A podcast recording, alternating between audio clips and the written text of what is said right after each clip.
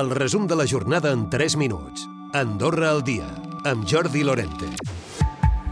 Desenvolupar la llei dels agents de circulació a través de reglaments és prioritari pels comuns. Se n'ha parlat aquest divendres en la Diada dels Agents de Circulació, la setzena edició, on Laura Mas ha destacat també la possibilitat que els agents puguin dur una càmera de videovigilància. És un reglament molt, molt important. Sabeu que els agents de circulació solen ser els primers en arribar i els darrers en marxar i, per tant, doncs, eh, per la seva seguretat i per la seguretat de tots els ciutadans, doncs, eh, creiem que han de portar també les càmeres, igual que el servei de policia.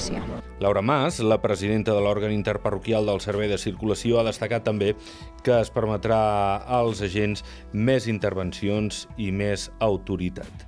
A poc a poc apareixen més noms que podrien formar part del govern i Mator, diplomàtica i exambaixadora, ha rebut la proposta per ocupar la cartera d'Afers Exteriors.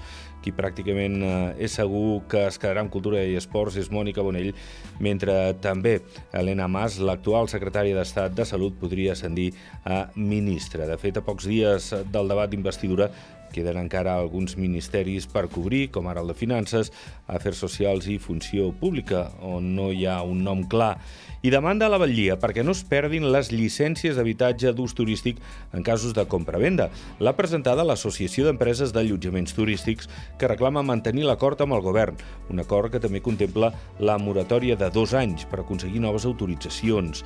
És un primer pas abans de recórrer al Tribunal Constitucional, que de fet era l'objectiu original i Joan Enric Vivés participarà aquest dissabte de la coronació del rei Carles III al Regne Unit.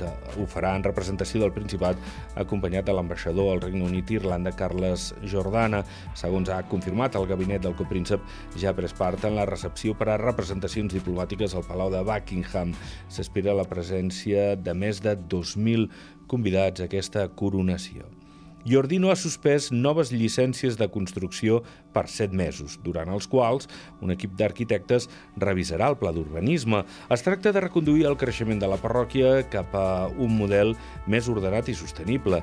De fet, per la minoria és una decisió electoralista. I a primers de juny està prevista una reunió de poble per explicar el projecte de concessió de Saete per part del Comú i si els tràmits van bé es podria aprovar la concessió just abans de Sant Joan, en sessió de Consell aproximadament el 22 o 23 de juny. Això ha destacat a línia directa el cònsul menor en Capadà, Jean-Michel Rascanyeres, que també ha dit que el concurs d'idees del Camí de les Pardines haurà d'esperar. I mentre el promotor del pla parcial d'Arinsal ha comunicat al Comú de la Massana que presentarà un nou pla. El termini s'acabava aquesta setmana. El promotor informava al Comú que ha decidit no introduir cap modificació en aquest pla parcial presentat ja amb anterioritat, ja que la seva voluntat és iniciar a partir d'ara un nou projecte, del qual, això sí, no ha avançat detalls. Recupera el resum de la jornada cada dia a AndorraDifusió.d i a les plataformes de podcast.